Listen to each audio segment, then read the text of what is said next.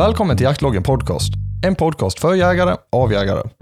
Ett stort tack till huvudsponsorn av detta avsnitt, Prima Dog Sverige. Superbra hundmat för friska hundar.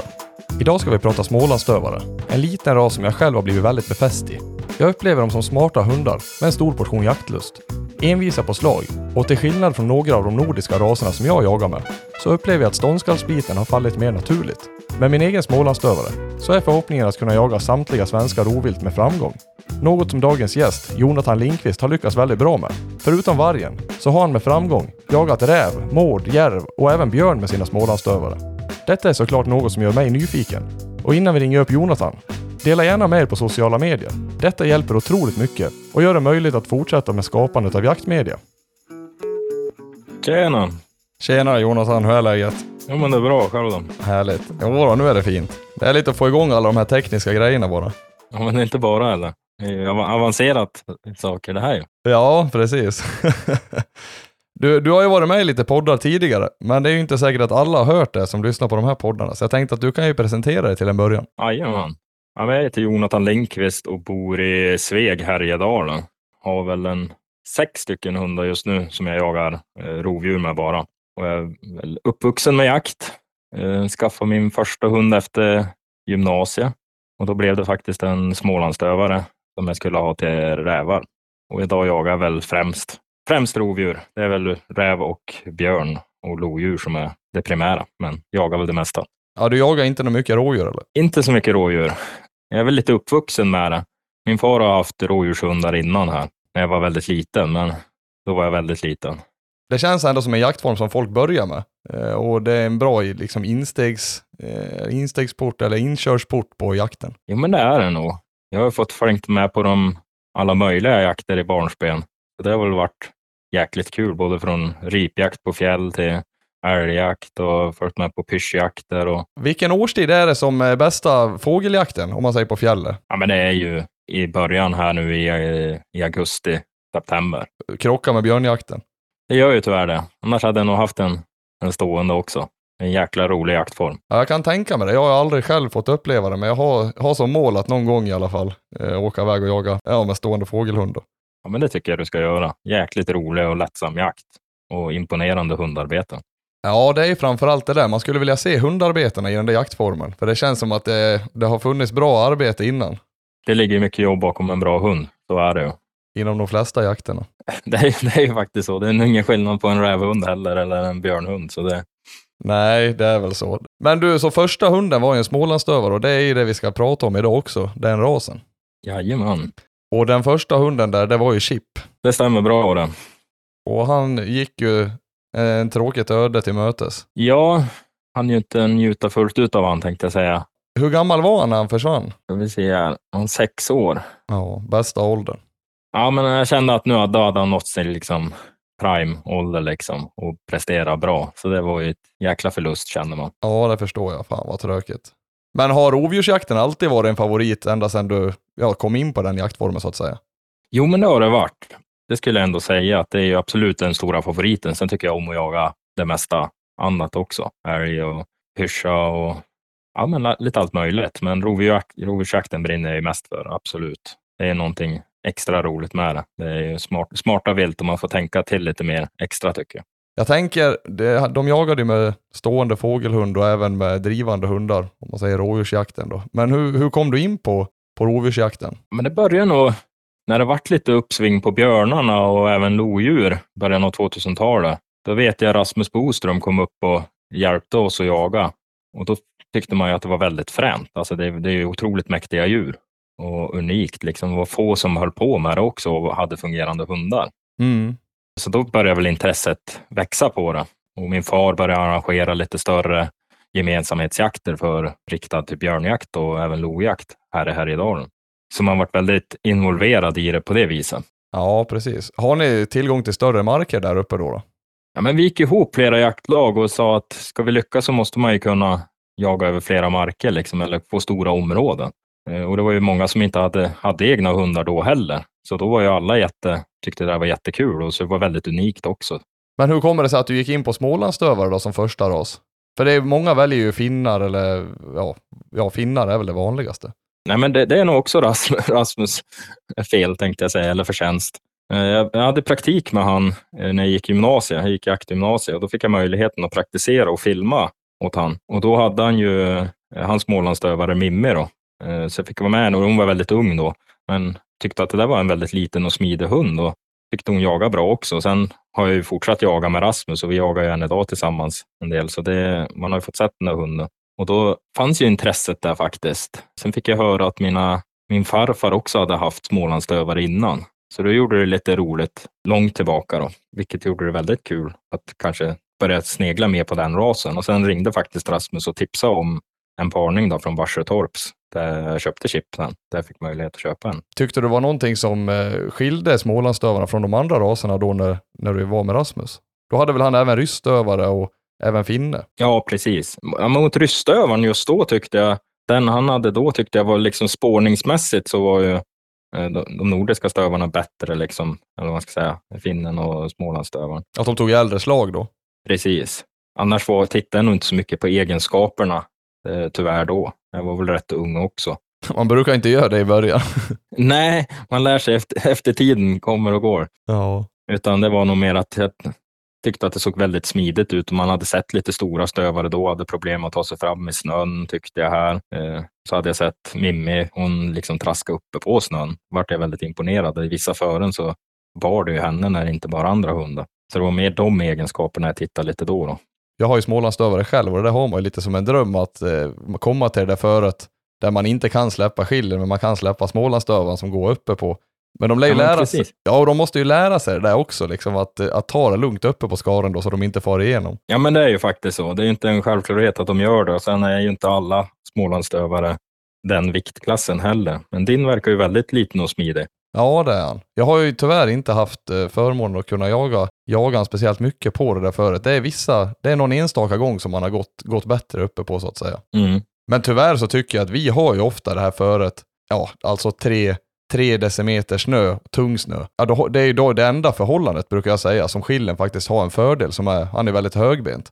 Ja, men det har jag sett senare åren här också. Jag jagar en del med Mattias Melkersson och Stefan Lindström och, och då ser man ju faktiskt finstövarna och foxhandarna. De maler ju på på ett helt annat driv tycker jag. Det är just det där gränslandet liksom mellan tre, ja runt tre decimeter när de, när de kan springa liksom vanligt. Det är inte speciellt tungt. Men skulle det gå upp och bli en sex, sju decimeter och är tung snö, då tror jag att smålänningen har det enklare för att de har mindre vikt att pressa fram i det där. Ja, men det tror jag också. Och det var nog det som var primära, för man tyckte man ändå hade ganska mycket snö här. Ville vi ha ganska rikliga vintrar. Och sen upplever jag också att eh, när man har en lättare hund, att de återhämtar sig snabbare. Om man har jagat slut på dem jäkligt hårt, så tycker jag att de återhämtar sig bättre. Ja, men det kan nog, kan nog vara benägen att också hålla med om. Då köpte du han chip där egentligen i, från början för rävjakten då? Precis. Mitt mål var ju räv och lodjur just då. Mm. Utan, och det, huvudfokuset var ju rävjakten det blir ju det som man kan jaga mest av. Det brukar bli det som blir fokuset.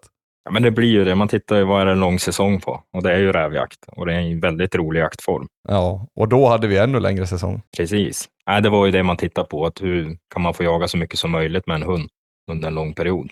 Tycker du att du har haft fördel av storleken på Chip? Nej, han vart ju ganska eh, hög. Nu kommer jag inte ihåg exakt vad han hade för mankhöjd, men han vart ju nästan som den finstövare jag har idag, så då är det ju jag fick ju inte den där lilla, lilla lätta hunden. Men han var ju väldigt lätt ändå för sin storlek. Han var väldigt tanig. Ja, tunn i kroppen.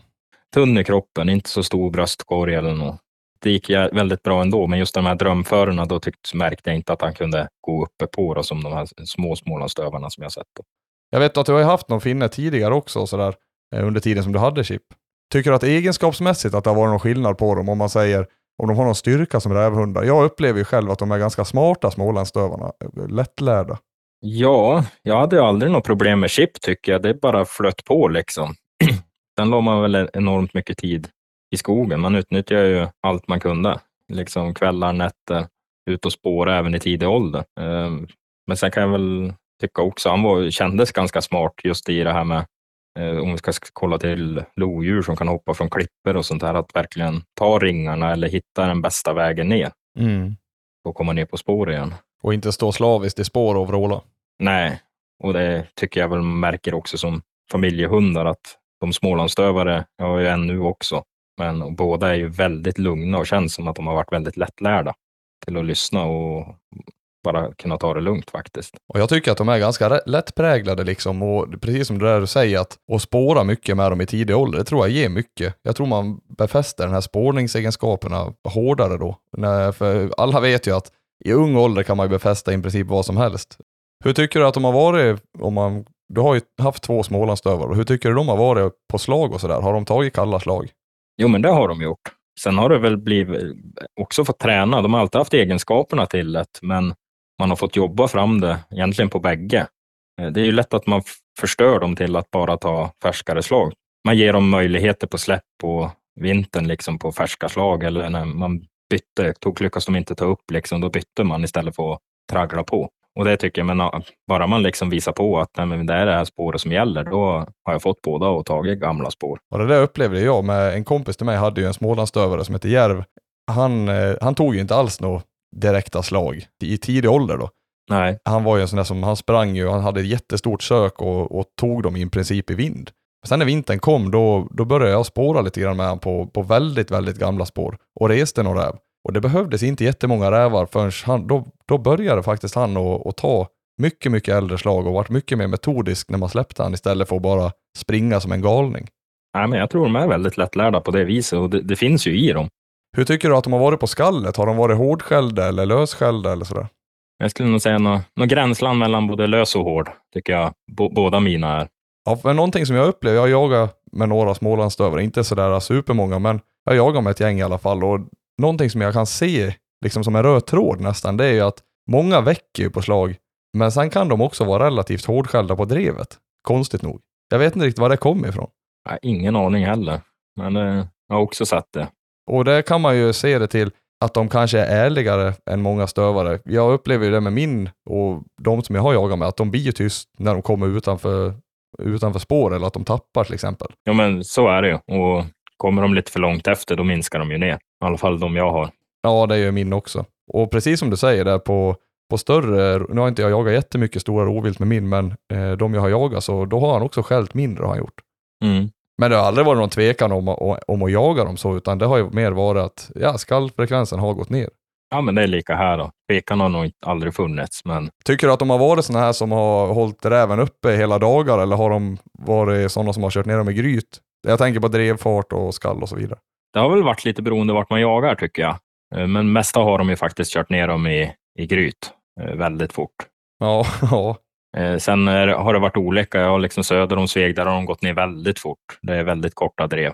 Och lite norr om Sveg, där har jag haft ställen där rävarna bukt, kan bukta liksom en timme, två timmar innan de går i, ner i gryt. Och det är samma hund, så då känns det inte och samma förhållanden. Så det, är nog, det har varit lite olika och säkert efterfrågan på gryt och hur de känner sig trygg. Tycker du att de är explosiva i, eh, i början av drevet? Alltså man säger att de är väldigt snabba och sådär. Jo, men det är de nog. Mm, det upplever jag också. Direkt om man lyfter så är det ju full kareta och det märks ju. De blir lugnare. De ska inte ha blivit trött på den stunden heller, utan jag tror att de är så jaktlusten tar, tar över lite i början där på dem, innan de kommer in i ro. Liksom. Att de är lite övertaggade i början så blir det väldigt snabba, snabba påstick, eller vad man ska säga. Får det gå en halvtimme eller sådär, då kan det börja lugna ner sig, så blir det liksom som ett vanligt drev istället. Ja, ja men, nej, men det håller jag med om. Det är som att de kommer, kommer till ro, eller vad man ska säga. Mm. Eh, tyckte du att det var någonting som ändrade sig på Chip med åldern? Han vart ju ändå, han var sex år där. Ja, kanske lite, att han varit lite lugnare, men jag ska inte säga något mycket eller. Nej. Det är svårt att jämföra. En ung hund är ju alltid, det är väldigt full gas känns det som när de kommer ikapp och lyfter någonting. Eh, inte något enormt mycket, lite grann. Jag tänkte vi ska prata lite om injagningen också. Hur, hur gick du tillväga med injagningen där med chip? Jag tänkte då var ju du ganska ny inom, inom stövare också.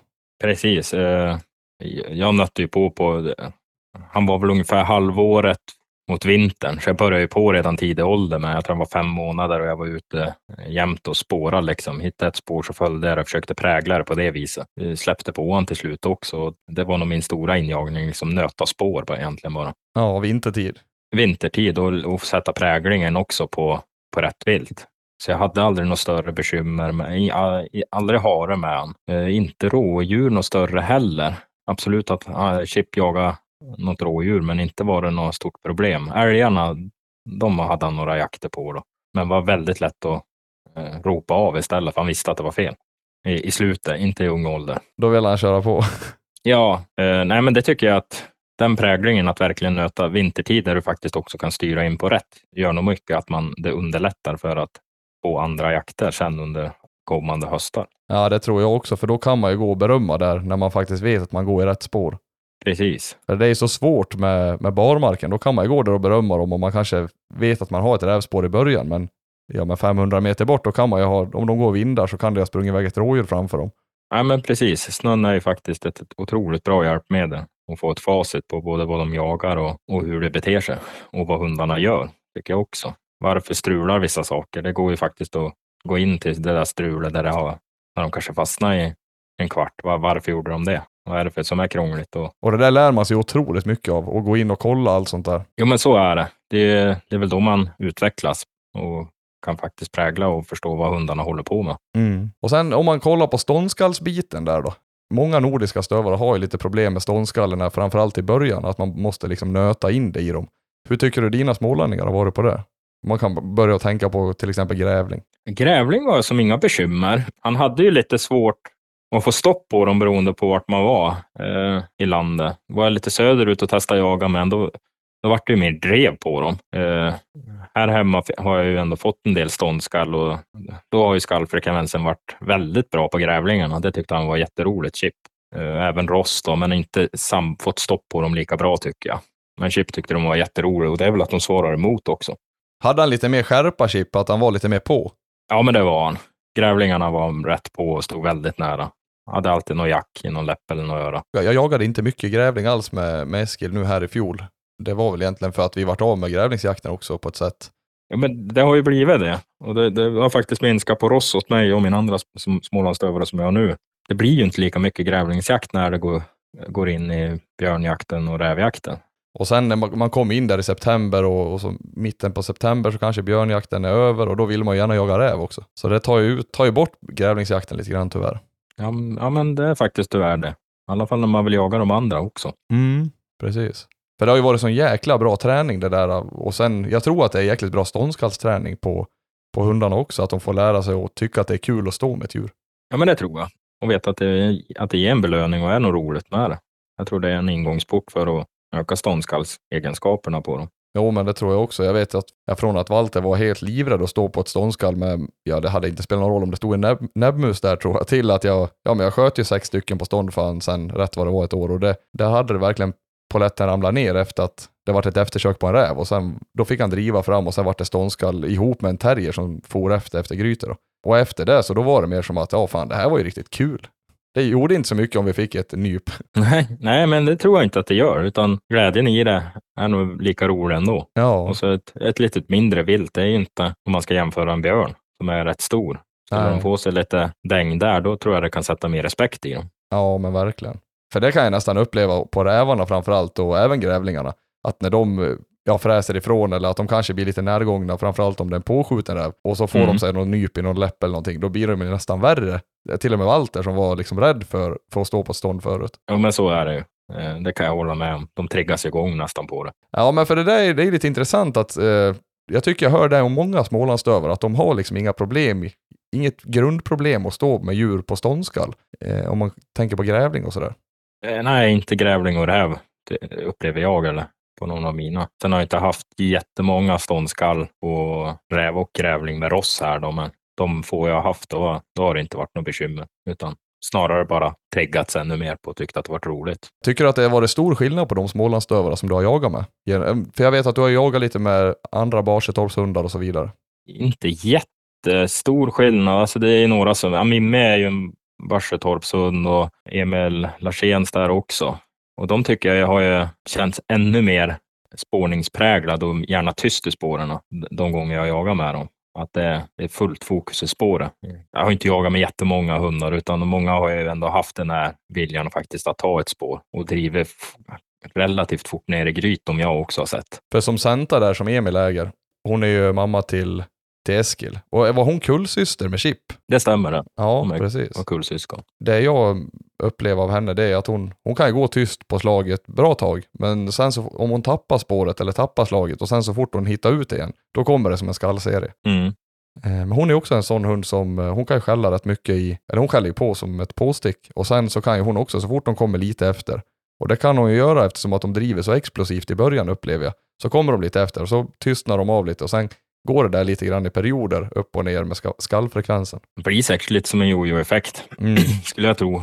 Att de kommer närmare. Ju mer de skäller på, liksom, ju hetare de är, desto mer försprång Ja. eh, får räven sen. Och den kutar på lite. Nu vet jag inte hur det är på alla marker här omkring, men, men på mina marker så upplever jag ju att de gångerna man har buktande drev, det är när man har väldigt dåliga förutsättningar. Alltså att det är kanske skar eller det är jättetung snö. Så att räven verkligen kan känna att ja, men nu är jag trygg. Jag kan gå här framför 100 meter framför hunden och ändå veta vad och ha koll på allting. Så, som om man kollar söderut, då känns det som att de kan bukta en hel dag ändå. Oavsett om det är barmark. Ja, ja men det har jag också upplevt faktiskt. Det är en jädra skillnad. Har du jagat mycket söderut? Nej, inte mycket. Jag har varit nere och hälsat på lite kompisar och eh, men inte mycket. Men jag tycker det har, det har buktat betydligt bättre när jag har varit neröver. Mm. Du upplever inte att du har haft jättemycket klövviltsjakter när du har varit neröver? Nej, jag har inte varit ner så mycket med Ross. Eh, han skulle finnas en tendens till. Han har väl inte fått chanserna heller till att bli helt klövviltsren. Alltså jag, jag har varit jäkligt noga med han att verkligen prägla han på spåren. Och än idag, det är någon gång han har bytt till rådjur liksom, eller tagit upp ett rådjur på barmark framför allt. Så då är det. Men det är lätt att få av. De vet att det är fel också. Ross funkar jättebra. Han kan jag ju kalla av med hjälp av tracker, vilket är ju en jäkligt bra förmån jag ser med han. Ja, just det. Du använder de pipfunktionerna. Precis. Och chip räckte det med bara att man var i närheten och ropa. Så tvärbröt han och letade efter en räv eller försökte undvika det där. Låtsas jaga något annat tills han kom på något. Man fick jaga. Ja, men precis.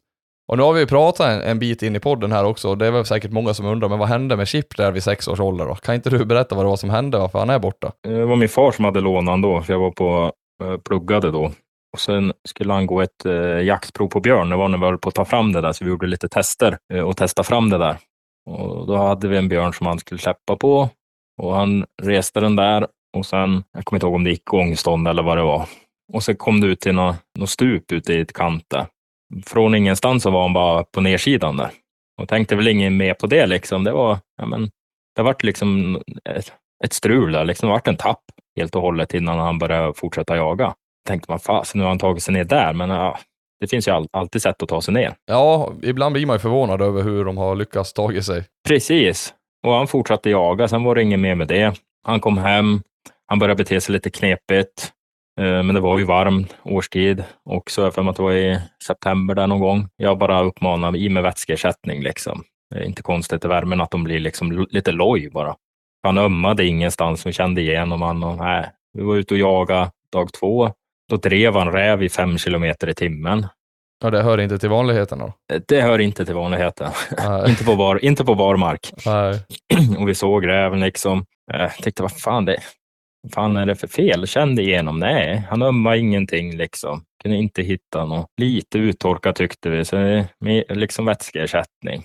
Började se tendens att han hade svårt att lägga sig, men övrigt gick och inga bekymmer. Så dag tre, då släppte vi han igen på en björn. Och då var det som att direkt i spåret, då, då bara var det som att han gick och skällde ståndskall. Jag Tänkte, vad fasen, han kan inte liksom 200 meter bort ha tagit upp björnen och gå och skälla ståndskall. Så man vet aldrig. Så man gick ju dit och kollade liksom och nej, han gick ju bara i spåret, men skällde grovt som att han liksom hade stånd, gångstånd på det. Och då började man ju misstänka någonting och hade, fick ännu svårare eh, att lägga sig ner. Så då åkte vi in till veterinären och då visade det sig att mellangärdet på han hade spruckit.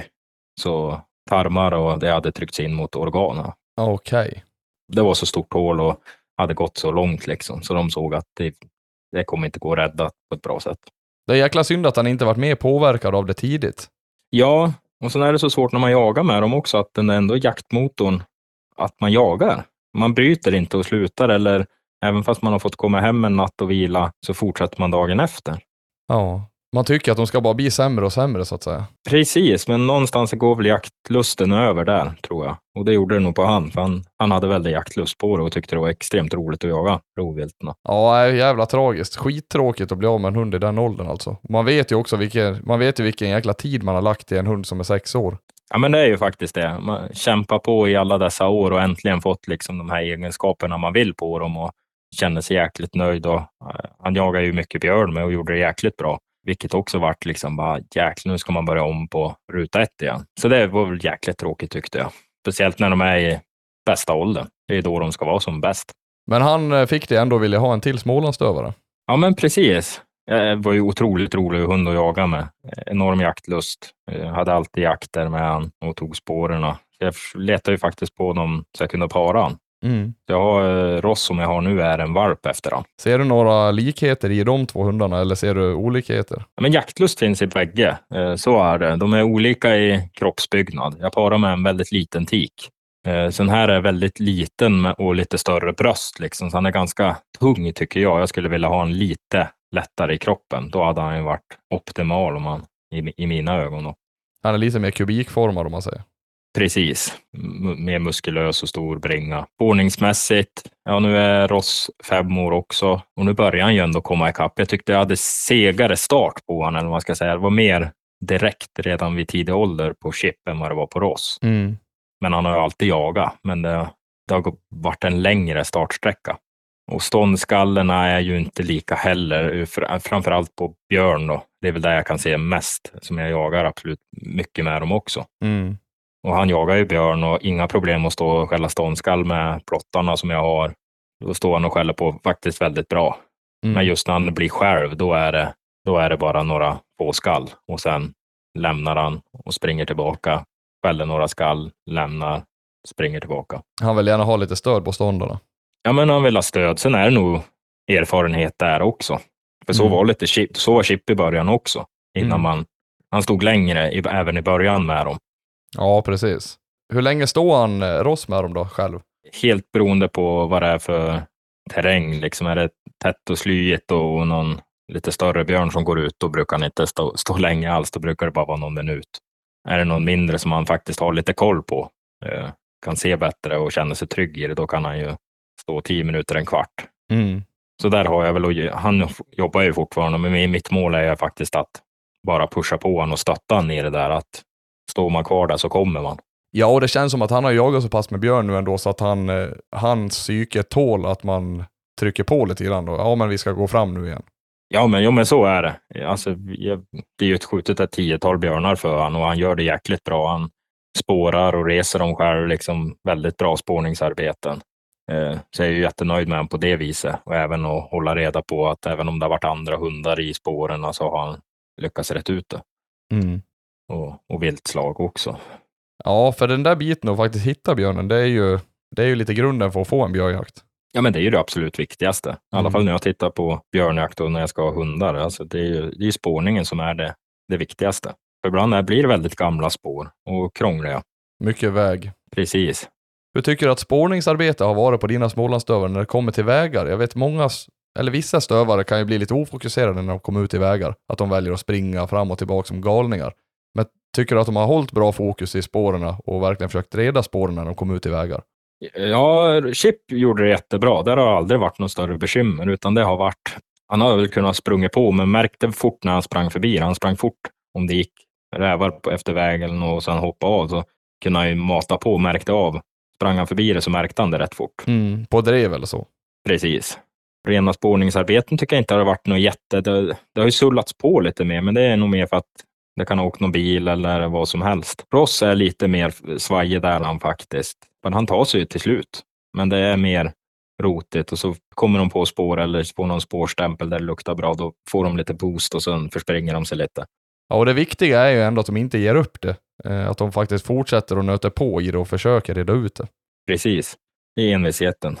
Ja, måste finnas där. det där har jag ju sett ganska många stövare som har gjort eh, att de kommer på slag ner, ut i en väg och sen springer de den vägen och så springer de den till vägs ände.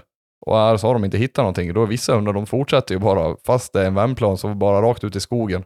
Och sen kan de ju hitta ett annat spår någonstans då såklart. Men det kan ju lika gärna vara ett rådjur då om inte hunden är klövren. Ja, Eller om de spårar en björn så kan det ju bli en rävjakt istället. ja men, men så är det. Det är ju viktigt att, att de håller spåret och vet vad de ska göra där. Och framförallt i början på säsongen, för då har man ju inte tid att få jakt på något annat än det man vill ha jakt på. För då, då det blir varmt och man bränner hundarna och så vidare. Ja, men det är ju väldigt korta dagar. Det är helt rätt. Det, det ska gå krångelfritt. Mm. Men när, vilken ålder började du jaga björn med chip? Oj, här borde jag ha koll på. Det var väldigt tidigt. Det var, ett, eh, det var inget aktivt medvetet val tänkte jag säga. Det var far, farsgubben som var ute också och jagade räv med honom och sen fick han ett drev. Jag tror han kanske var, kan han ha varit två år? Jag är lite osäker, men och fick upp och drev jäkligt bra. Det buktade väldigt fint och han stod där på en väg och sen liksom tänkte det här blir klockrent att skjuta. Och sen bara hör han jäkla vad det prasslar liksom. Det, började, det lät för mycket för att vara en räv. Och sen hoppade upp en, en björn där istället. Ja. Helt omedvetet. Eh, och efter det så då bara fortsatte man ju att verkligen få på honom med honom på björnar. Han var ju inte skrämd av den jakten. Däremot var han ju väldigt trött i skallen. Jag tror han jagade på, ja, det vart väl ett par timmar i alla fall på den där björnen. När man kopplade honom och snurrade ögonen ganska bra på honom. Ja. Speciellt när det är unghundar som inte har jagat innan. Då är det ju mycket i skallen som snurrar. Det tycker jag bara första gången man bandade liksom björn. Man kommer hem och sen ögonen bara snurrar åt alla håll på dem. Jo, ja, men det är, nog, det är påfrestande och det är en, en speciell lukt som de nog ska sortera. Är det värt att jaga eller inte? För det ser man ju på andra hundar. En del tar ju inte ens ett björnspår. De är ju i, i princip nästan livrädda. Eller nonchalerar det bara, liksom. och det, det, finns ju en anledning. Ja, precis. Det kan ju vara antingen eller. Antingen så nonchalerar det som att det finns inte, eller så är de komplett livrädda för det. När du skaffade chip, eh, hade du en för avsikt att jaga björn då? Jag såg det som en bonus, om jag skulle kunna. Jag tänkte ju att jag skulle testa jaga björn med han. Det tänkte jag. Men jag tänkte mitt primära mål, det är ju räv och lodjur. Och framför allt räv då. Och kommer han jaga björn så det är bara som en bonus. Det kommer vara jättebra. Men det fanns ju absolut att man ville ju det. Det är ju någonstans dit vilja. Och så har det väl egentligen varit med alla hundar jag har just nu, både finstövare och smålandsstövare, som är tänkt som rävhundar. Men jag har ju i baktanken att mitt mål är att de ska klara av att jaga björn också. Ja. Men, men det är ingen, jag kommer inte kunna köpa en hund och de kommer tro att de bara ska jaga det. Nej, och det är såklart tillfredsställande om man kan få en hund som jagar björn, för det är ju lite toppen av isberg eller vad man ska säga. Även om man hör ju ofta det här snacket att ja, men björnar är så lättjagade och det är de ju för en hund som har psyket och verkligen vilja jaga björn. Ja, men så är det. Men det, man ska ju komma dit också. Det är ju verkligen det. Det är inte alla som klarar av att göra det.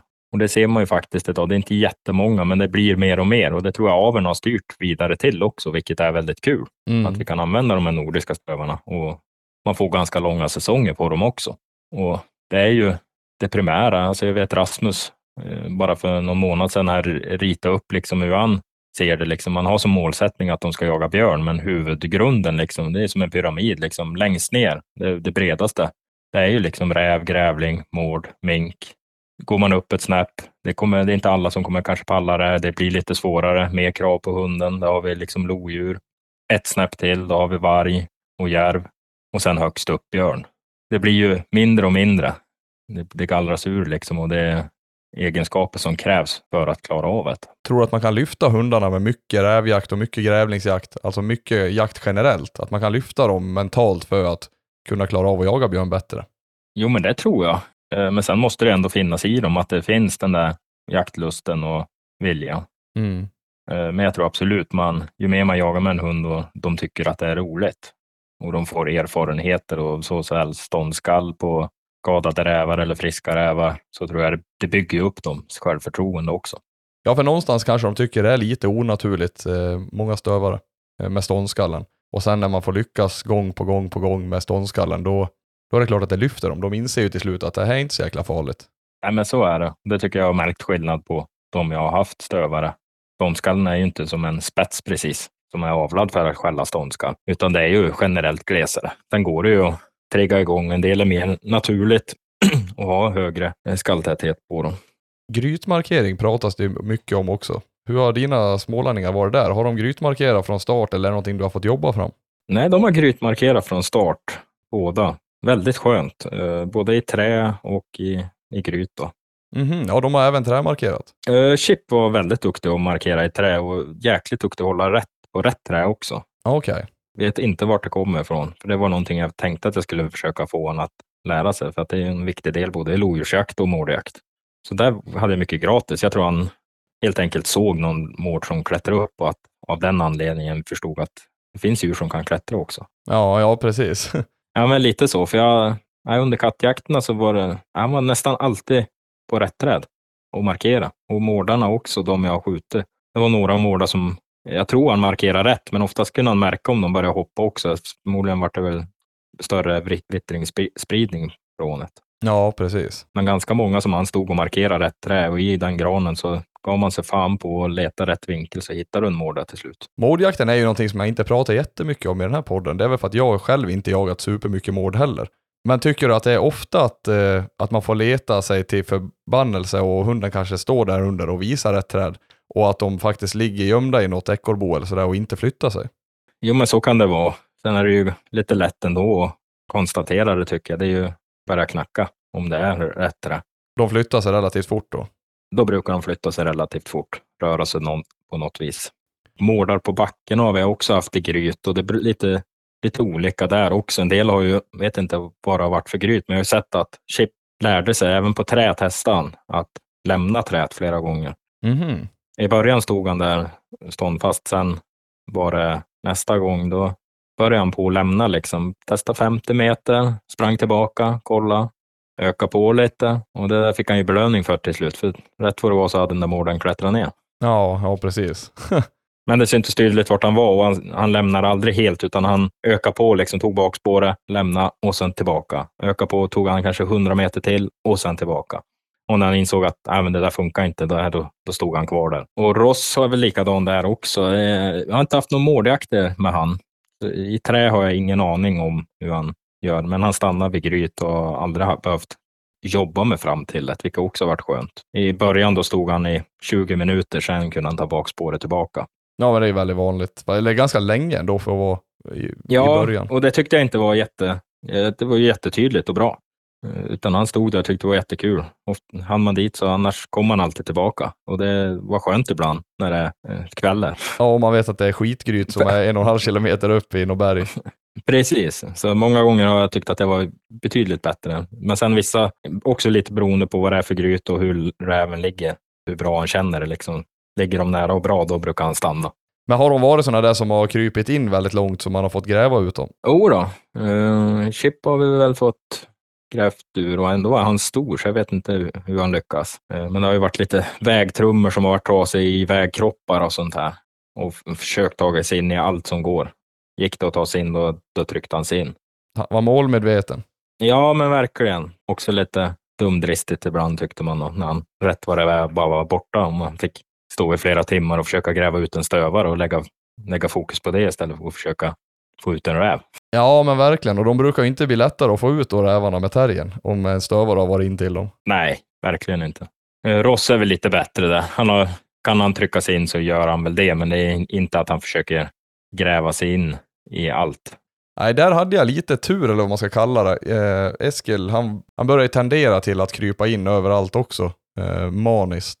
Och stod och grävde och var helt galen. Men eh, sen så fastnade han, jag sköt bom på en räv i en stuga och sen kröp den ner i, i ett gryt där han kröp efter. Och så när jag kom in då låg han ju bara och, och pep inne där. Så då hade han ju fastnat i några rötter i pejlhalsbandet. Ja, ja, ja. Ja, då fick han allt ligga där lite grann eh, tills jag tog ut han. Ja, Där får du fan ligga där om du ska vara så dum så du kryper in. Och i nästa gryt, det var ju ett berg, där kröp han också in i och fastnade. Och Mm. när han fastnade två gryt i rad sådär, då, han är inte lika galen vid gryt nu för tiden. Eh, han stannar, men han, eh, han kryper inte in på samma sätt. nej. Ja, men det är ju bra. De lär sig ju. Ja, jag hoppas verkligen att han inte kommer tillbaka till det där inkrypandet, för det, är- ja, det är hemskt där när, när man står där och det är kallt och man vill stå med en terrier och sen ska man försöka få räven och stövan ligger tre meter in och vrålar. Får de då belöning på att de kanske lyckas spränga räven, det, det, är, nog, det är inte bra.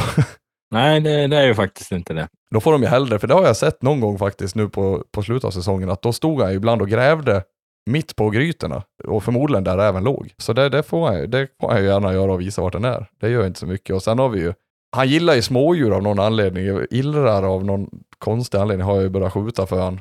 Eh, och det är ju bara på frisök och vi har ju som inte ens haft iller här. Så rätt vad det är, då är det bara ståndskall så kommer man dit och är det några små hålor, då tror man det är mord, men det, då är det en iller där i. Åh jäklar.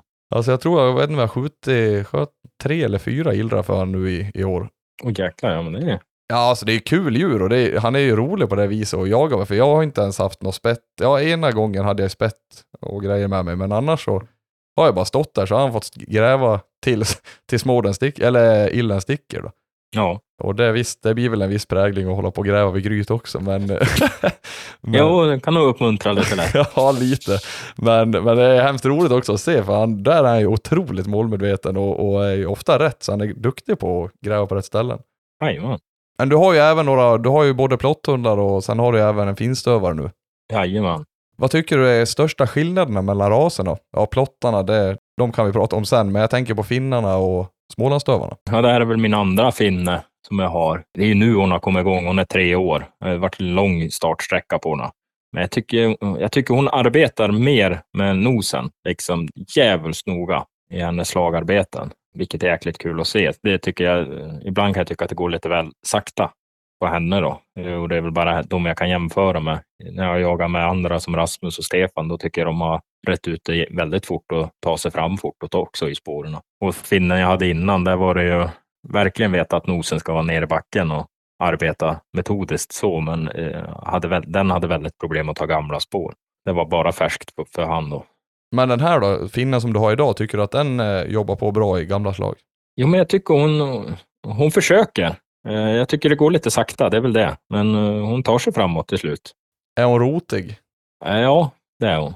Det är lite för rotigt tycker jag, men jag tänker mig också att det är erfarenheten. Hon har inte så mycket erfarenhet. Hon behöver betydligt mer jakter och jag hoppas väl att en höst och vinter till ska, ska man få det där att släppa liksom. Mm, ja, precis. Första säsongen tyckte jag med framförallt Eskil där, då var ju han, han var inte rotig, han var väldigt metodisk. Ja, han gick ju väldigt gamla spår då också. Han kunde ju rota fast någon enstaka gång sådär, men han räddade alltid ut det. Och han hade långa slagarbeten, men även långa Eh, alltså slagarbeten om man tänker på distans. Och han tog sig ofta väldigt, väldigt långt. Det vet jag bara första gången, första liksom fem släppen med han. Då var det som att eh, det skulle spåras till varje pris. Och han stod väl säkert i, i hardtryer och fåglar och allt möjligt. För jag vet en gång då, då var han ju, fastnade ju kvar i ett ställe. Då sa jag till Einar att vi var ju och jagade Västerbotten då. Sa det att vad fan undrar om det är något gryt eller något. Han hade ju varit på sådär typ 20 gånger 40 meter i en, en, en och en halv timme. Ja. Vi hade ju varit in där en vända och sett ingenting, men så att säga, vi gå in igen, någonting lär det vara. Och så flög det iväg en, eh, ja det var väl några orrar. Och då var det fullt drev och sen började jag rota igen. Så det var ju de jävla fåglarna han gick i.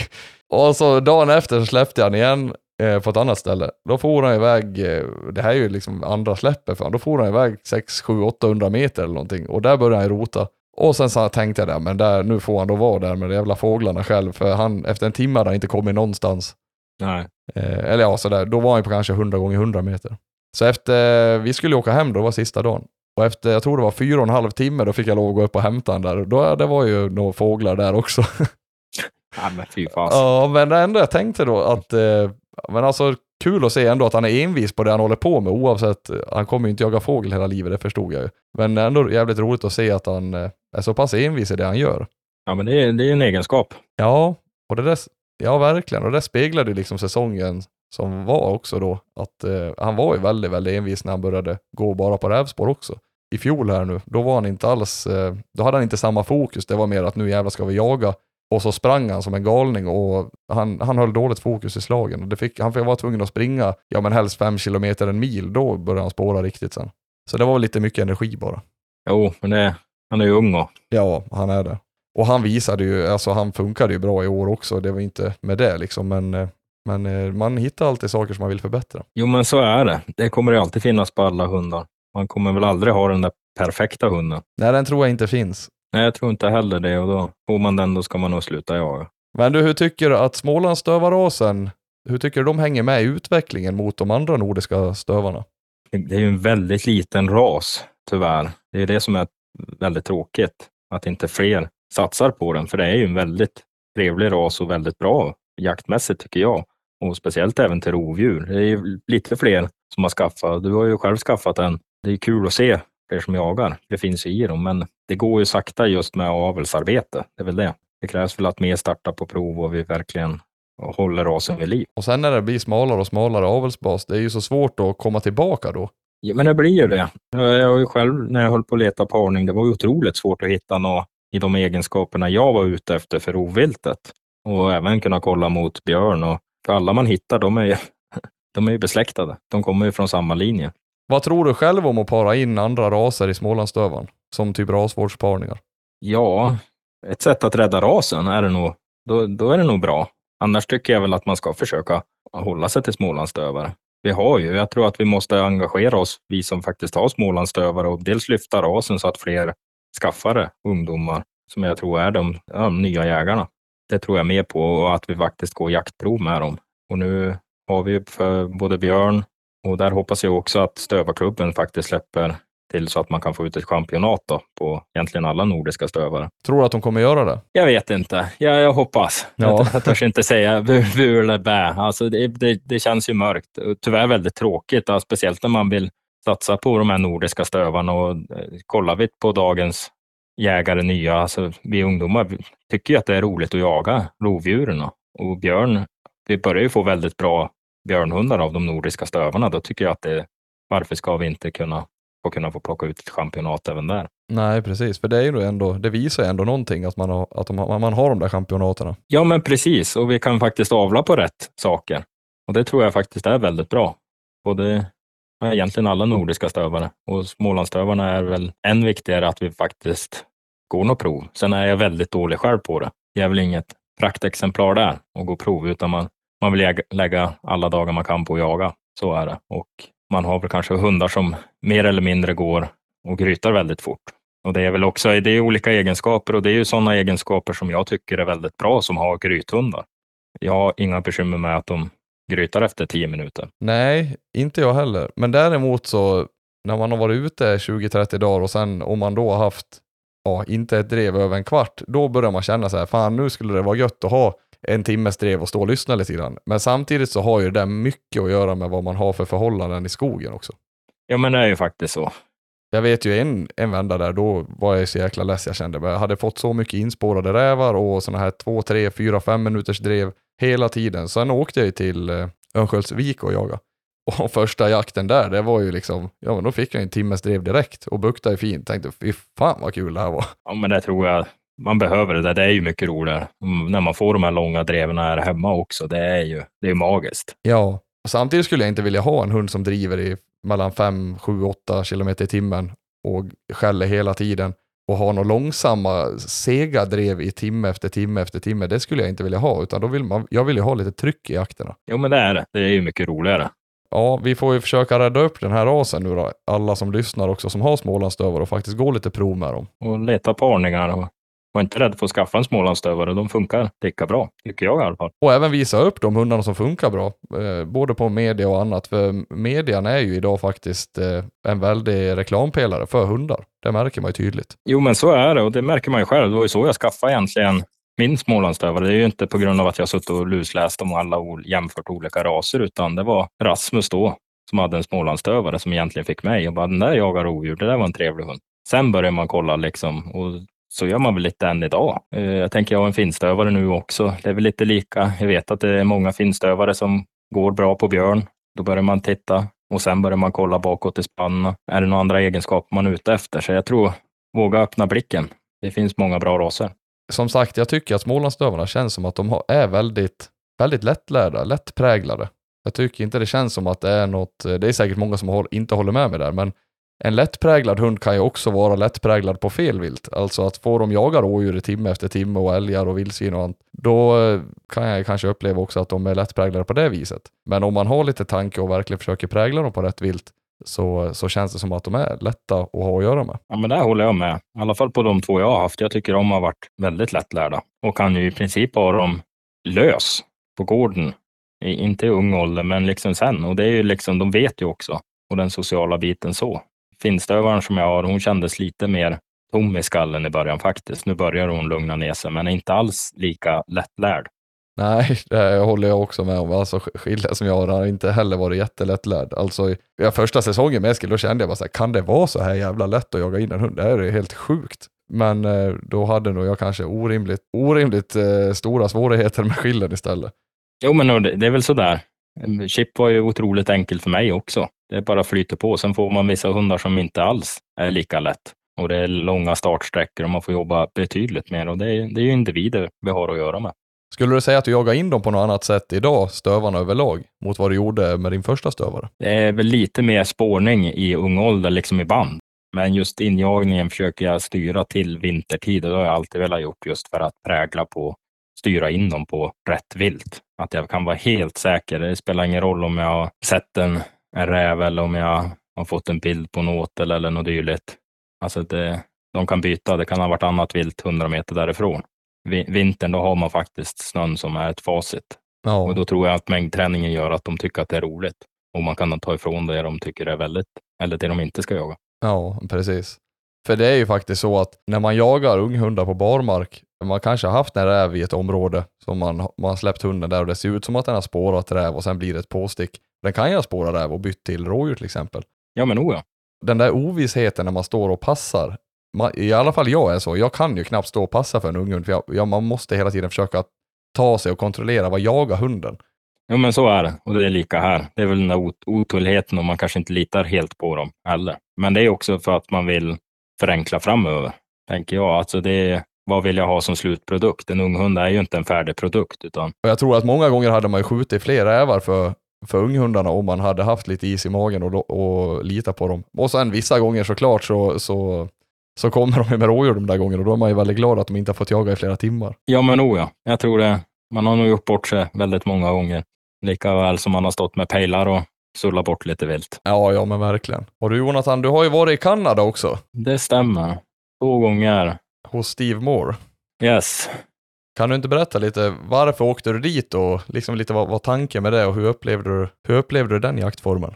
Ja, men jag fick faktiskt frågan av Steve Moore själv eh, och du hade väl blivit tipsad av eh, Magnus Larsson i Lima och eh, Rasmus Boström eh, som hade tipsat Steve då, då han letar lite folk som kommer över och hjälper honom med hundar och injagning. Så jag fick frågan ett år, men då pluggade jag så jag hade inte möjlighet att åka över då. Sen passade jag på året efter då.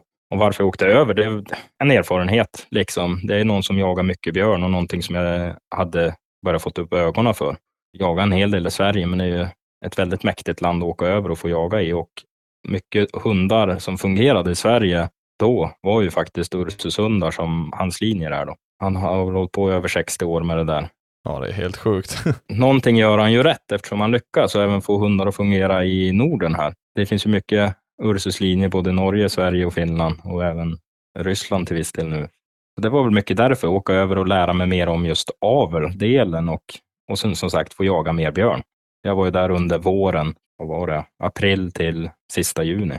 Jäkligt lärorikt och roligt tankar bakom liksom varningar och eh, sen är det ju ett helt annat jaktsätt. Inte samma typ av björnar. Eh, vi jagar svartbjörn där då.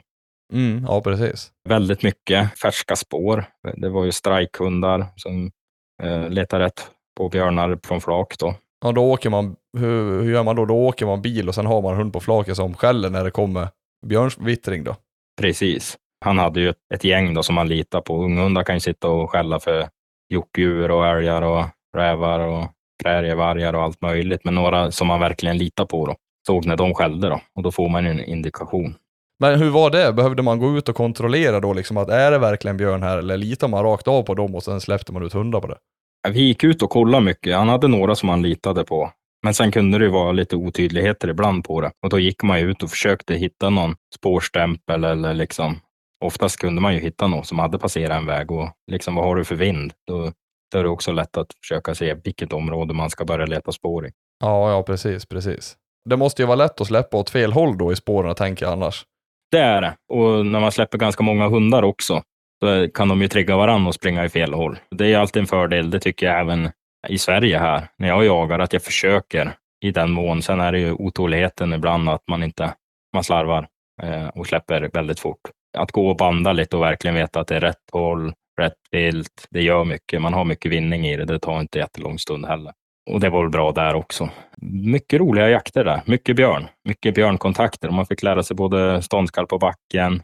Mycket hamnar i trä, men vi hade några på backen. Ja, för det tänkte jag fråga. Är det ofta som det blir ståndskall på backen på svartbjörnarna? Inte jätteofta. Det händer. Eh, jag skulle säga att majoriteten eh, går upp i ett trä. Även lite större björnar. Ja, för jag har ju själv hållit på att leta lite grann nu i både USA och Kanada efter hundar och det är ju inte jättelätt att komma i kontakt med, med de här personerna som faktiskt är beredda att sälja en hund. Nej. Eller det kan ju vara lätt att få tag i en hund, men den ska ju, den ska ju jaga bra också. Det är ju jättesvårt att veta, alltså, och den ska funka i Sverige på en, en annan typ av björn. som faktiskt jag tycker sätter mer respekt i hundarna än vad en svartbjörn gör. Dels kan de vara större. Brunbjörnen är ju lite större tycker jag. Det var inte jätt... Svartbjörnen är ju generellt lite mindre. Det är, det är ju svårt och vilka egenskaper man ska ha. Det är de som både klarar av att ta ett gammalt spår och det, man hade ju spårningar där, där det bara var de erfarna hundarna som klarade av det och det tog ju lång tid innan de lyckades lyfta en björn också. Det känns som att plottarna hör man ju många gånger det här att de är avlade för att ta liksom 15-20 timmar gamla spår. Men det känns som att hur ska man kunna veta det? Det måste ju vara jättesvårt att, garantera det med en hund när man kan åka ut och ha tre jakter på björnar som man får strike på under en dag. Jo, men det kan ju ha gått en björn på väldigt lång tid där också. Och det ser man väl dels på spårningsarbete. Nosen är ju väldigt viktig även där. Om jag jämför min hundgård här, alltså plottarna är ju bättre på spårningarna så. Och mer envis. Ja, precis. de tar framförallt äldre spår. Precis. Och det är väl sådär också, för det är väl många som tänker sådär som jag tänker också att ja men hur ska man veta att de tar så gamla spår? Men man ska, ju, man ska väl veta också att de har ju otroligt mycket jakter med sina hundar också. Precis. Jo, men det är ju mycket mängdträning för att få dem igång. Sen gallras det ur liksom vad är de egenskaperna man är ute efter. Där kan det ju funka. Där, man, där, där det är tillåtet att släppa fler hundar tillsammans också. Den möjligheten har vi ju inte i Sverige. Att släppa fler hundar för att träna upp unghundar och att kanske ge dem den här mängdträningen. Nej, precis. Och det man märker lite grann när man pratar med, med mycket olika människor i både USA och Kanada, det är ju det här att ja, men de har ju hört att svenskar letar hundar och att man vill ha att de ska vara väldigt självständiga och att det ska vara hög skärpa i dem. Jag tror ju också det här att många i Kanada eller USA, det känns som att de kanske, de som avlar på väldigt, väldigt hög skärpa där, det är ju för att när björnen stannar på backen, till exempel svartbjörnarna, då ska de vara så pass hårda så att björnen väljer att gå upp i trä. Ja. Men kommer de då över hit till Sverige och har den, den approachen mot en brunbjörn som står på backen, då det är ju inte lika stor sannolikhet att den går upp i trä, utan då kanske den frontar på ett hårdare sätt istället. Ja, men så är det nog. Det ser man ju också. Det är många hundar som blir skadade väldigt lätt för att de är lite för tuff. Det är ju en balans. Det är ju den, det är den där gränsen man vill hitta däremellan. Från att ha ändå modet till att våga faktiskt stå och skälla ett ståndskall på en björn och vara så pass nära så att du kan gå in och skjuta och hålla koll. Ja, precis. En mäktig resa. Alla som tycker det är roligt borde åka över och jaga i Kanada. Alltså det är ett väldigt fint, mäktigt land. Men när du har varit över där, om du kollade på en hund som du skulle vilja ta över hit till Sverige, vad är det du letar då i en hund när du är på den sidan? Vilka egenskaper i hundarna är det? Eh, spårningen är även där. Alltså, släpper man även flera hundar kan du se att vissa urskiljer sig att inte klara av att ta spåret eller viker av och gör annat. Så spårningen är en viktig del och sen ståndskall på backen. Hur, hur jobbar de där?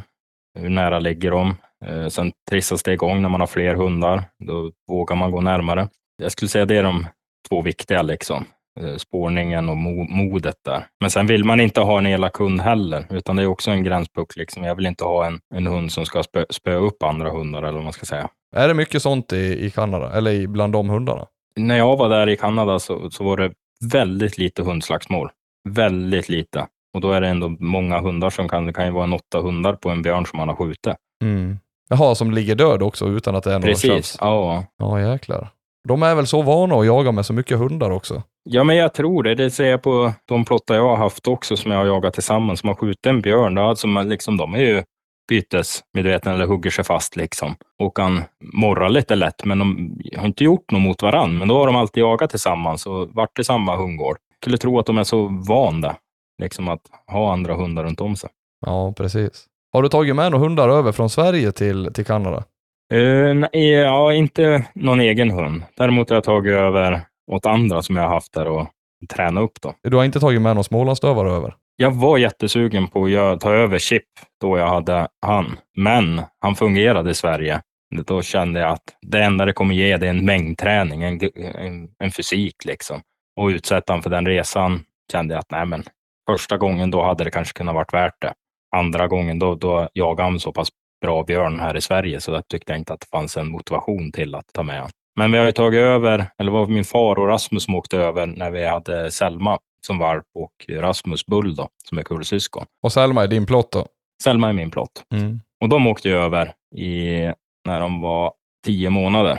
Och det var ju ett väldigt bra introduktion för ett par unghundar att få komma över där och under en vår få jaga mycket. Så det hade man mycket gratis till hösten och till den hund hon är idag, skulle jag tro i alla fall. Att växa i rollen, för det är ju björnkontakter. Alltså de är inte jättelätt att få så jättemycket jakter. Det är en väldigt kort säsong på dem och kunna få en, även en vård och väldigt många släpp där på björnar växer de ju väldigt tidigt. Det känns som man måste vara väldigt analytisk när man, om man åker över till Kanada och ska liksom välja en hund och, och man kanske ska köpa en hund. Det känns som man måste vara väldigt analytisk då och kolla verkligen det här att vilka hundar är det som faktiskt eh, sköter spårningen, vilka är det som klarar av det här själv också på, på stånden och så vidare. Jo, men så är det. Så är det egentligen även om man köper en hund i Sverige eller andra ställen. Men det gäller att vara noga med sina, e-, vilka egenskaper man vill ha, tror jag. Att även om man köper en i blindo och pratar så ska man vara noga med att säga vad det är för egenskaper man faktiskt vill ha och varför och på vilket sätt man ska jaga. Och det tror jag inte, det spelar nog ingen roll vart man än köper en hund. Så alla har vi olika syn på hur hundar ska fungera. Ja, precis. Och det här med björnträningen och, och mängdträning som vi pratade om där i Kanada, är det någonting som det är ju någonting som man hör här hemma i Sverige, att vissa personer tycker att ja, men att träna på björnar utan att skjuta dem, det, att eh, det finns mer att förlora där än att vinna. Vad tycker du där? Både ja och nej. Jag, jag gör det mycket och jag försöker, för det, jag vill maxa säsongen och få, få mina hundar, för jag tycker att de växer i det. Är de lite omogna så växer de in i rollen fortare ju mer kontakter de får. Sen ökar ju risken också att de kan möta en elak björn och bli skrämd. I det stora hela tycker jag faktiskt att ju mer släpp jag kan få på björnar är bra för dem och de kan växa och jag kan lära mig mer om hunden. Både i hur de spårar och i hur de arbetar med en björn. Så det tycker jag träningarna. Så jag tycker att jag försöker träna så mycket och nyttja hela säsongen. Men du upplever att dina hundar, alltså smålänningarna, de har, de har trivts och tyckt att det varit roligt med själva drivande biten. Det, det behöver inte dö vilt varje gång. Nej, Eh, snarare Chip tyckte nästan att det var tråkigt då. Han har som aldrig varit någon riktigt bytesmedveten heller. Okej. Okay. Han har bara varit nöjd. Ökar väl på lite i slutet, men nej, jag tycker han har varit jäkligt nöjd bara han har fått jaga. Så han växte av torrträning eller vad man ska kalla det, att mängdträning.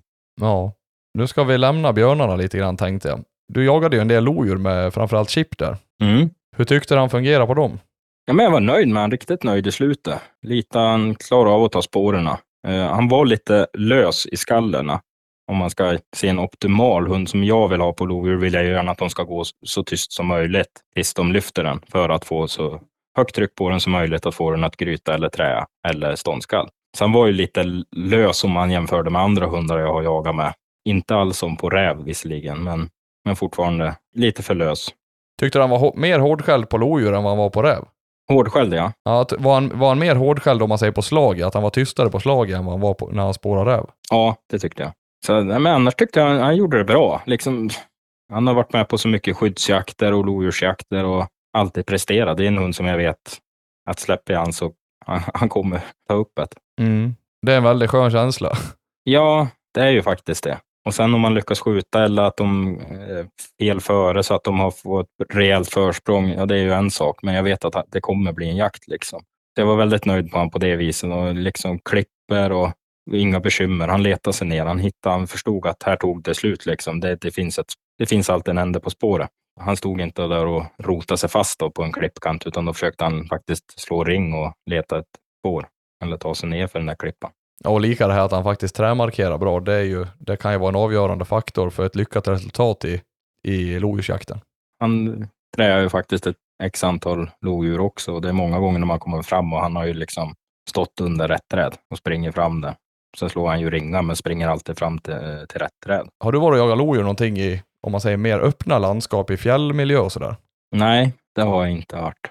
Vad jag hör när man har spelat in de här poddarna och pratat med folk så jag tror att det är en det är helt annan lodjursjakt som, som bedrivs då mot om man har, som vi har ju ofta här omkring, alltså specifika områden kan man säga, där kanske lodjuren håller till under en parning, framförallt honorna, och så drar de in hanar där. Jag menar det kan ju vara att det är omringat av byar, stora vägar, järnvägar, sjöar, dåliga, alltså mycket sånt som, som de inte gärna passerar då, beroende på vad det är för väderförhållanden.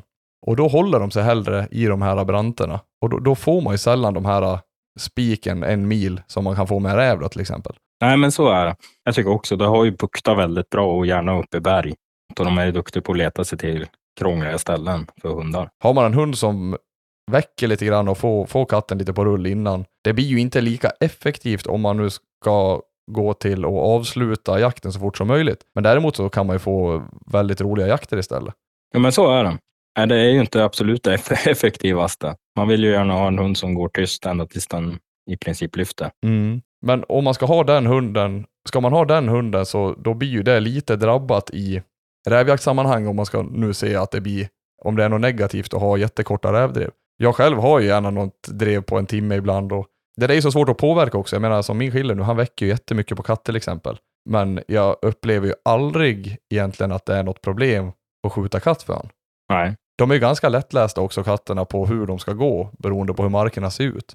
Har man lärt sig och marker och lärt sig mycket om lodjursjakt och hur lodjuren går, då är det ju inte något större bekymmer. Det märkte jag med Chip också. Vi sköt ju mycket katter för han, fast de var på benen redan. Alltså, så det, och han vågar stå och skälla ståndskall på många ståndskall med han också. Han har fått sina rever. En annan avgörande faktor kan ju vara om hunden faktiskt vill ikapp eller inte. Eh, och sen om de är snabb eller långsam såklart. För en, en långsamt drivande hund, den kan jag nog tänka mig att det blir lite kämpigare på kattjakten. Ja, men så är det. Chip var ju faktiskt duktig att ta sig fram fort. Även om det var lite mer snö så lyckas han ta sig. Det är ju en, en vinnande egenskap för att faktiskt hålla ett tempo framåt på dem. Och speciellt på katterna tycker jag som inte får de lite press på sig så då kommer de stanna eller träa. Precis. Har du jagat någon järv med Chip eller, eller Ross? Ja, men det har väl varit, alltså han har fått jaga det. Och det har han ju också gjort bra. Han har träat några sådana och har inga mängder så jag kan göra något uteslutande så, men han jagade typ lika som på ett lodjur. Bara att jag tyckte att det var lättare att det bara rullade på liksom. De maler ju på på ett helt annat sätt än vad katterna gör. Ja, de har, känns som de är lite uthålligare. Jo, men det är de också. Men katterna känns som de tar ju slut ganska fort om man har en, om man har en hund som trycker på bra. Jo, men det är det. Då blir det oftast stopp ganska fort. Järvarna där, tycker du att, eh, har du haft några blessyrer med dem eller något ståndskall eller att eh, har de liksom varit, att de har tyckt att det varit otäckt om det har stannat eller har de, har de fullföljt jakterna? Nej, de har fullföljt jakterna. Sen har jag inte haft jättemycket ståndskall på backen med, på järv med dem, utan det har mest blivit att de har träat dem eller, driv, eller driver dem bara. Och det är lika med Ross också. Han har ju också fått vara med och jaga en del, men... Ja, järvarna de kommer ju mer och mer. Det har ju inte, de har inte funnits så jätte, jättelänge här, inte i våra krokar i alla fall, men det känns som de, de, det kommer ju mer och mer för varje år. Ja, men oh ja. De flyttar sig neråt. De gör ju det. Och det, jag, jag tror ju att det, ja, men det känns som en bra konditionsträning på hundarna. Ja, men det är det. Och det är ju ett tufft vilt också. De är inte jättesnälla. Det är en, ett ganska litet djur som har väldigt mycket kraft, ska man veta. Och är duktig att låta. Ja, de kan ju låta jävligt elaka. Jo, och de kan, de kan vara ganska elaka också. Ja, de... Säga, de kan vara jävligt elaka också. Vargarna där, har du jagat någon varg med dina, med dina hundar? Nej, ingenting. Är det någonting som du har liksom tagit avstånd ifrån eller är det något som du bara inte har blivit, det har inte blivit av? Det har väl inte blivit av och sen har jag inte känt motivationen. Vi har väldigt lite varg här. Jag har haft möjligheter, men det har funnits folk som har bättre hundar för det. Så då har jag tyckt att kör. Eh, jag tror inte att det hade varit något bekymmer, inte på chip tror jag inte. Det, det, det behovet har inte funnits här omkring. För det finns många bra hundar som är mer specialiserade på det. Då. Ja, och sen, eh, och precis som du säger, att ni har ju inte speciellt mycket varg heller. Nej, så då är det, har inte lagt no, någon tyngd i det eller någon målsättning med det. Det dröjer inte förrän ni har en rejäl vargstam där uppe. Nej, men det är, väl, det är väl så. Och då får man väl börja titta på de egenskaperna. Mm, ja, men precis. Bara en liten sak till innan vi, innan vi rundar av här. Den här provverksamheten på Björn som du sa att ni hade det lite som projekt. Hur, hur har det liksom gått vidare? Eh, det finns ju provverksamhet på Björn idag. Ja, det är den det. De Plåttundsklubben har tagit fram då. Det är jäkligt kul, tycker jag, att det faktiskt finns någonting där vi kan mäta hur de jagar björn. På frilevande björn också. Det är ju faktiskt det. Det är både om vi ska se till eftersök och, och till jakten. Framför allt om vi ska kunna avla vidare. Så det här tycker jag är ett väldigt bra första steg. Jag är inte jättemycket för eh, hägn och permobilbjörnar. nej, permobjörnar, nej. De kanske kan göra någonting vettigt med en hund på det, men jag har också sett många hundar som jag vet fungerar väldigt bra i skogen som inte gör någonting. De kan gå och pinka där och inte bli godkända. Ja, vad, vad har det gett utslutande? Att du har en dålig björnhund eller att den har genomskådat hägnet eller permobjörnen? Det är väl lite därför man har försökt få fram det här testet också. Och det är ju inte bara för stövare, utan det är ju för alla raser. Ja, precis. Jag tycker det är jättebra att man har lyckats. Jag hoppas att att det kommer ge, mynna ut i någonting bra inom avel också. Ja, precis. Om det är någon nu som skulle vilja köpa en Smålandsstövare, har du koll på några, några parningar som är aktuella? Eh, inte just nu. Inte jag heller, tyvärr. jag tänkte säga, kolla med Jonas Edman, men, det, men det finns ju faktiskt, vi har ju på Smålandsstövarföreningen, så finns det ju ett avelsråd där och har ju koll och de har ju, jag och Rasmus var iväg på en raskonferens och de, de är, har ju öppnat upp ögonen och det är, man, de märker ju också att intresset för rovvilt ökar. Mm. Och de känns väldigt intresserade av det. Ja, precis. Och jag tror inte man ska vara jätterädd för att välja de här hundarna som faktiskt används till harjakt eller som är avlade för det. För det finns ju hundar där som, som jagar mycket räv också. Absolut. Jag parar ju med en sån, så Ross som jag har nu är ju tiken en, ska vi säga, ren harhund, då, men, men jagade väl räv någon gång ibland. Men jag tittar ju mycket på de övriga egenskaperna. Hur spårar, hur spårar de, hur driver de, vad, hur är jaktlusten, hur är mentaliteten hos, hos den då? Ja, precis. Så jag fick ju välja att gå den vägen och det tycker jag det, det funkar. Men och kollar man tillbaka, det är ganska många som faktiskt jagar räv också av de där har hundarna. Är det, hur, hur har övriga hundar gått i, i Rosskull? Eh, bra. Nu, det vart bara tre valpar. Mm, just det. Så det är jag och en till som har en hane uppe i Västernorrland. Jag har dålig koll sista året här, men i början jagade den väldigt bra. Alltså lodjur och järv och räv. Hade ju mycket att bygga på i erfarenhet såklart, men den hade modet att våga jaga. Tiken som vart, som är Karos uppfödaren, hon har ökat intresse. Hon skulle bli en harhund också, men har tagit upp mycket räv i slutet här sista året, så han tycker att det har blivit mycket roligare också att jaga lite räv och finner motivationen i det och tänker väl också starta på rävprov nu. Så det är också kul. Ja, men fasen var kul. Vad han berättar så verkar det ju jäkligt lovande tyckte jag. Hon finner motivationen till att simma för rävarna också flera gånger över smååar och så.